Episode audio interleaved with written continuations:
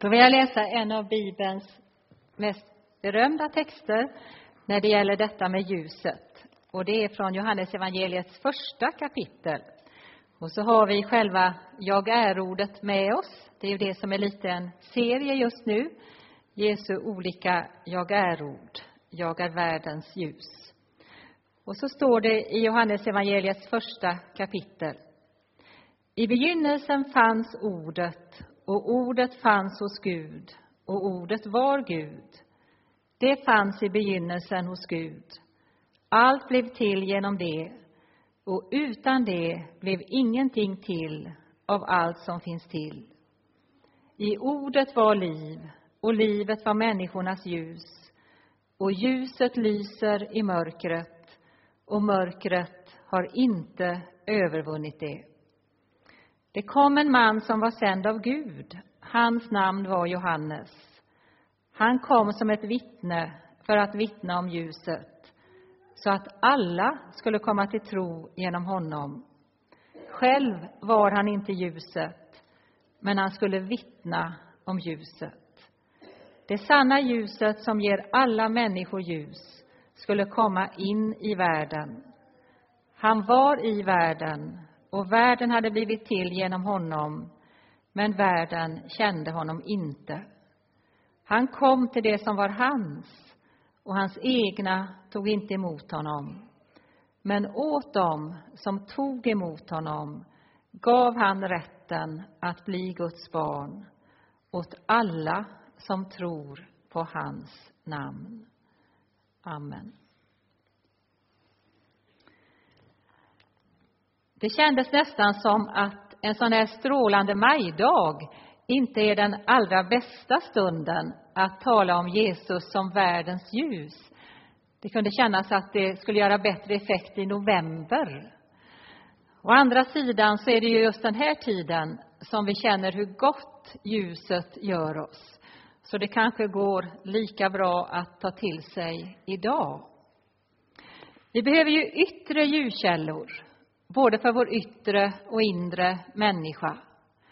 Och än viktigare är det kanske att ha ett ljus inombords. Jesus talar om det i Matteus evangeliets sjätte kapitel, en del av hans bergspredikan. Och just där talar han allvarliga ord när han säger Ögat är kroppens lampa. Är ditt öga ogrumlat får hela kroppen ljus. Men om ditt öga är fördärvat blir det mörkt i hela din kropp. Om nu ljuset inom dig är mörker, hur djupt blir då inte mörkret? Det är ett ganska intressant uttryck det där, om ljuset inom dig är mörker. Och Jesus måste väl mena att har vi valt något för vårt livs ljus som inte visar sig ha någon större lyskraft och till slut närmast blir mörker, då är vi ganska illa ute. Och Jesus säger det här precis när han har varnat för att pengarna får allt för stor plats i vårt liv. Det är inte alltid så självklart vad som är ljus och vad som är mörker. Det räcker liksom inte att känna efter för stunden. Och det räcker inte heller riktigt att bara tänka på mig själv och mitt eget liv. Utan det är som att man behöver ett längre perspektiv och också tänka in de andra. Inte minst de som är viktiga och betyder någonting för mig. Jag åker ju mycket bil, inte minst fram och tillbaka mellan byn Holla och Fiskebäck och är väldigt glad att det finns ljudböcker. Jag lyssnar gärna till det. Och jag har precis lyssnat till Björn Ranelids senaste roman som heter Kniven i hjärtat. Lyssna gärna till den, eller läs den. Den handlar inte om något nytt, den handlar om otrohet. Men jag tycker det är framställt på ett ovanligt sanningsenligt sätt. Och de två i den här romanen som sviker sina närmaste för passionens skull. Det är klart att när de är som mest förälskade, så upplever de det som ett stort ljus. Men det leder faktiskt till ett ofattbart mörker för de människor de älskade innan den här passionen drabbade. Så då var ju faktiskt inte det som kändes som ett ljus till slut ett ljus, utan snarare ett mörker. Det är inte alltid så enkelt att veta vad som är ljus och vad som är mörker. Vi behöver vägledning och inte minst där finns ju den goda boken till. I begynnelsen var Ordet och orden som Gud en gång uttalade tog ju kött, blev gestalt i Jesus Kristus som är Ordet med stort O. Bibelns längsta psalm handlar om vad Guds ord kan betyda för en människa. Och där står det bland annat, när dina ord öppnar sig, ger de ljus.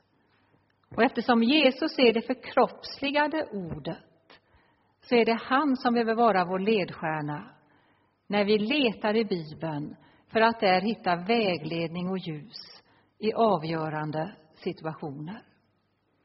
Men ibland är det också som att man behöver en vägledare på två ben. En människa att tala med.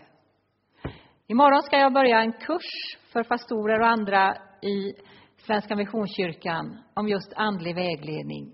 Jag har varit med och lett några sådana kurser. Eh, och då brukar det vara ett pass där jag och mina medhjälpare försöker förklara vad en vägledare behöver ha för egenskaper för att man ska kunna vända sig till honom eller henne med en slags förtroende. Och vi brukar säga ungefär så här. Han eller hon behöver vara väl orienterad i sin samtid. Måste veta en del om en människas utvecklingspsykologi. Behöver vara djupt rotad i den heliga skrift i Bibeln och i olika andliga traditioner eftersom våra vägar med Gud faktiskt kan se ganska olika ut. Sen behöver det vara någon som har brottats i sitt eget liv, inte minst med frestelser. Och det behöver vara någon som själv lever ett liv tillsammans med Gud. Och ibland kan det vara en stor välsignelse att hitta någon som någorlunda har de här kvaliteterna. Ibland är det kända män och kvinnor. Ibland är de inte alls kända i offentligheten, men har genom sitt liv vunnit en vishet som gör att de duger som vägledare. Det är alls inget skamligt att behöva vägledning och att ibland behöva en personlig vägledare. Låt oss ta vara på den möjligheten när vi behöver det. I Första Mosebokens första kapitel, när skapelseberättelsen oss, då står det att Gud skapar ljuset och han kallar det gott. Och sen skiljer han ljuset från mörkret. Men det står faktiskt inte att Gud kallar mörkret ont. Och allt mörker är inte ont. Vad skulle vi göra utan nätter? Även om det ibland kan kännas att livet är så på high speed och så bra, så nätterna nästan kommer i onödan. För det mesta behöver vi nätter som vila och återhämtning. Och sen känner säkert många av er igen den där berömda dikten av Nils Ferlin som handlar om att Gud har ett mörkrum i, sitt, i sin fotografiateljé som heter Getsemane där växer det klara bilder fram för den som är lugn och allvarsam. Ja, många av oss, kanske alla, har sådana erfarenheter att i en del mörkrum i vårt liv växte det fram någonting som kanske bara kunde framkallas där och ingen annanstans. Och sen finns det i den kristna mystiken en dimension som man brukar kalla för själens dunkla natt. Och han som skapade det uttrycket hette Johannes av Korset, ett medeltida helgon. Vad är själens dunkla natt? Det är perioder som vem som helst kan komma in i, där vi inte har slutat att tro på Guds godhet, men vi känner inte av den. Och vi känner överhuvudtaget inte att Gud finns eller är närvarande, även om vi inte upphör att tro det. Och det kan vara så att just under de tiderna är Gud mer intensivt närvarande än någon annan gång, vakar över oss och vårt liv, låter törsten djupna så att mer plats ska finnas för honom själv. Och så kan det visa sig till slut att det vi upplevde som en lång natt i vårt trosliv i själva verket förde oss längre in i ljuset än någon gång tidigare. Allt mörker är inte ont, men förvisso finns det mörker som är ont och gör ont. Och det är ingen hemlighet heller för någon av oss här. Och så finns den sortens mörker som vi inte har skapat själva, som vi inte kunde förhindra, men det drabbade oss. Och ibland ser det ju ut som att detta har ingen rättvisa, utan det finns människor som drabbas ofattbart och kan man tycka orättvist mycket. Och det är då vi som står lite nära behöver minnas vissa saker om ljuset. Till exempel att en droppe försvinner i havet, men ett ljus försvinner inte i mörkret. Att det inte är så att vi inget kan göra, men att bara finnas där, ofta tyst, med vår närvaro och medkänsla och vår vilja att lyssna, är i de allra flesta fall ett osvikligt ljus i mörkret, om än det tycks litet och klent. Så allt mörker är inte ont, men det finns mörker som verkligen gör ont.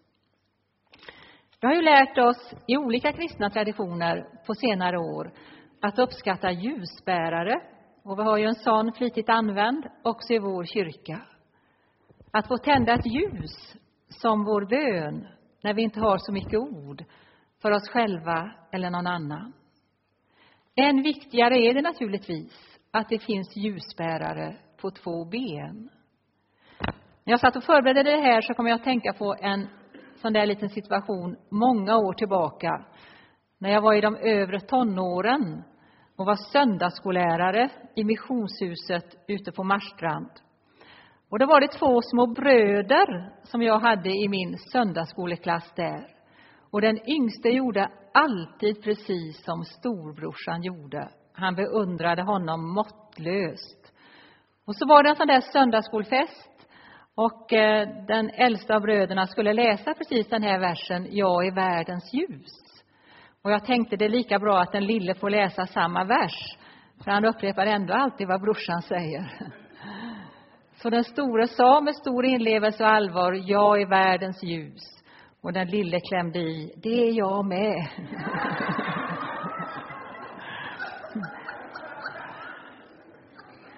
Och på ett sätt hade han alldeles rätt. Det är det Jesus kallar oss till, att bli ljusets barn. Och kanske är det barnen som mer än andra är de stora ljusbärarna i vårt liv. Men det kan också vara människor som har en särskild vishet. Och då finns det ett ord i Jakobs brev i Nya testamentet som jag tycker så väl uttrycker hur ljusets vishet ser ut. Där står det så här. Den vishet som kommer ovanifrån är först och främst ren, fridsam, försynt, foglig och mild, full av barmhärtighet och andra goda frukter, omutlig och uppriktig. Och när man möter vishet hos någon där barmhärtigheten är genomgående, men där det också finns en omutlighet och uppriktighet, så är det stor chans att man kan få del av ljus. Sen finns det ju en del människor, om man får uttrycka det så, som är snällare än andra. Och ibland tror jag att snällhet är en underskattad dygd. Det var inte för inte som den där boken av Stefan Einhorn, Konsten att vara snäll, sålde så väldigt bra. Vi vill vara det allihop. Jag lyssnade till Martin Lönnebo vid ett tillfälle. Han sa att han hade mött två genuint snälla människor i sitt liv. Den ena var hans svåger, den andra var Astrid Lindgrens pappa som var kyrkvaktmästare när han själv var kyrkoadjunkt i Vimmerby för länge sedan. Eh, det gick inte att locka dem till någon slags elakhet som Martin. Jag tror inte han är så bra på det själv heller om jag får vara ärlig. Men visst är det så att ibland möter man människor som är genuint goda, även om vi alla strävar efter att vara det. Och de är ljus i mörkret. Och inte minst är de ljus för oss andra som har varit i en hel del mörker och där ljuset ändå inte har slocknat utan de har kommit ut ur mörkret bevarade med en slags inre ljus. Vi behöver inte skämmas, som sagt, att vi inte kan hämta allt detta inuti. Men jag tror att Simon Weil, ett annat helgon som dog ung, har väldigt rätt när hon säger det är djupt tragiskt för den människa som inte kan leva av ljus. Alltså där det finns en hel del ljus, men man förmår inte ta in det eller leva av det. De stora ljusen, tänker jag, kommer till oss i skapelsen, kommer till oss i den heliga historien och kommer först och sist till oss i Jesus Kristus själv. Och då kommer det från den tomma graven där han uppstod, men det strålar också och allra djupast från korset.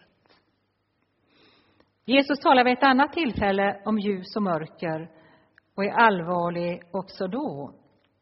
Och då säger han så här, detta är domen, att när ljuset hade kommit in i världen älskade människor mörkret mer. Deras gärningar var onda. Finns det verkligen människor som hellre vill mörkret än ljuset. Ja, det ser faktiskt ut så. Som vill de vinster som mörkret ser ut att ge. Men oftare när en människa ser ut att välja bort ljuset tror jag att det handlar om detta. Att man inte vågar tro att mitt liv skulle tåla ljuset. Och därför drar man sig undan. Det finns ett starkt ljus hos Jesus. Men det är mycket sant som vi sjunger i en psalm.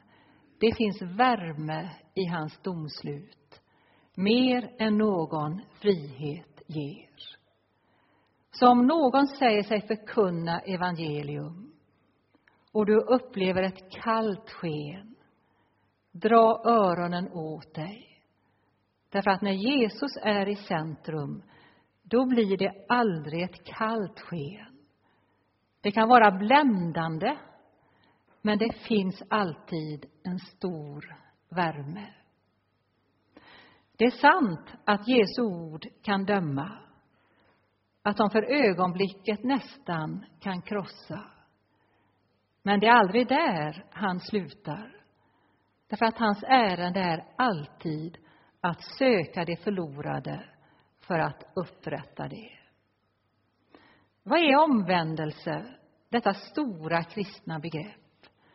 Jag tänker att det är att kanske ganska länge i sitt liv känna en slags värme på ryggen, som att den kommer från en blick. Och att till slut bestämma sig om för att vända sig om och möta det där ljuset, ansikte mot ansikte. Och det kan värma och blända. Det står att Jesu ansikte är som solen när den lyser i sin fulla kraft. Men det är inget kallt sken. Det är ett ljus som upprättar oss. Första gången och när vi kommer tillbaka för hundrade eller tusende gången. Ja, vi har som sagt placerat ut en del ikoner i kyrkan idag. Ni får gärna sen under nattvarden eller efter gudstjänsten gå runt och titta på ikonerna. Om någon vill köpa är de inte till salu, men jag kan tala om vem som har målat dem om du skulle vilja skaffa dig någon själv. Vad är en ikon? Ja, det kommer framför allt från den ortodoxa traditionen. Det är en helig bild, målad efter väldigt noggranna föreskrifter, målad under bön. Och syftet är att inbjuda den som ser ikonen till bön. Ibland föreställer det helgon ur den kristna traditionen. Ibland är det bilder på Maria eller på Kristus själv. Jag satte också en bok faktiskt i fönstret där, just av Martin Lönnebo. Den boken heter Människan som ikon. Där finns fantastiska bilder på de ikoner han har i sitt eget hem och berättelsen om dem. Och I den boken berättar också Martin att han är i Egypten, i Makariosklostret, där det finns en samling av världens äldsta och mest dyrbara och fascinerande ikoner. Och så var han där när samtidigt Österrikes ambassadörspar var där på besök. Och kvinnan i det paret var mycket konstintresserad och också kunnig. Och hon blev helt förfärad när hon kom in i ett litet rum av klostret där det fanns några av de mest värdefulla ikonerna. Men där hade färgen och läderbitar börjat lossna och munkarna hade bara spikat upp det igen med rostiga nubb. Och så skällde hon nästan ut en av de här munkarna och sa, men hur kan ni behandla klostrets dyrbaraste konstverk på det här sättet? Och då sa han, jag lovar att vi ska försöka restaurera bättre när vi bara får tid. Men det här är inte klostrets dyrbaraste konstverk. Jaså, sa hon lite stelt, och vilket skulle det vara då? Det är ni, sa munken. En levande människa, upplyst av Gud, kan aldrig värderas och ett aldrig så fint handmålat konstverk från länge sedan kan aldrig jämföras med en människa upplyst inifrån av Guds ljus. Det är det som är vår kallelse, tänkte jag. När vi satt och planerade den här gudstjänsten tillsammans och vi nämnde detta lite om ikoner, då nämnde jag, minns jag, om ett samtal jag hade haft samma dag, och det kan jag säga utan att avslöja hemligheter, med en ung präst här i Göteborg som kom för lite rådgivning. Och hon berättade om en del ytterligt svåra situationer hon hade stått i som präst, av djup nöd och elände och fördärv. Och när jag lyssnade på henne, såg hennes medkänsla, hur liten hon kände sig och såg ljuset samtidigt inifrån så tyckte jag precis detta, att hon var en levande ikon. Det handlar inte om att ha en gloria över sitt huvud, att hålla sig borta från allt som kan smutsa ner.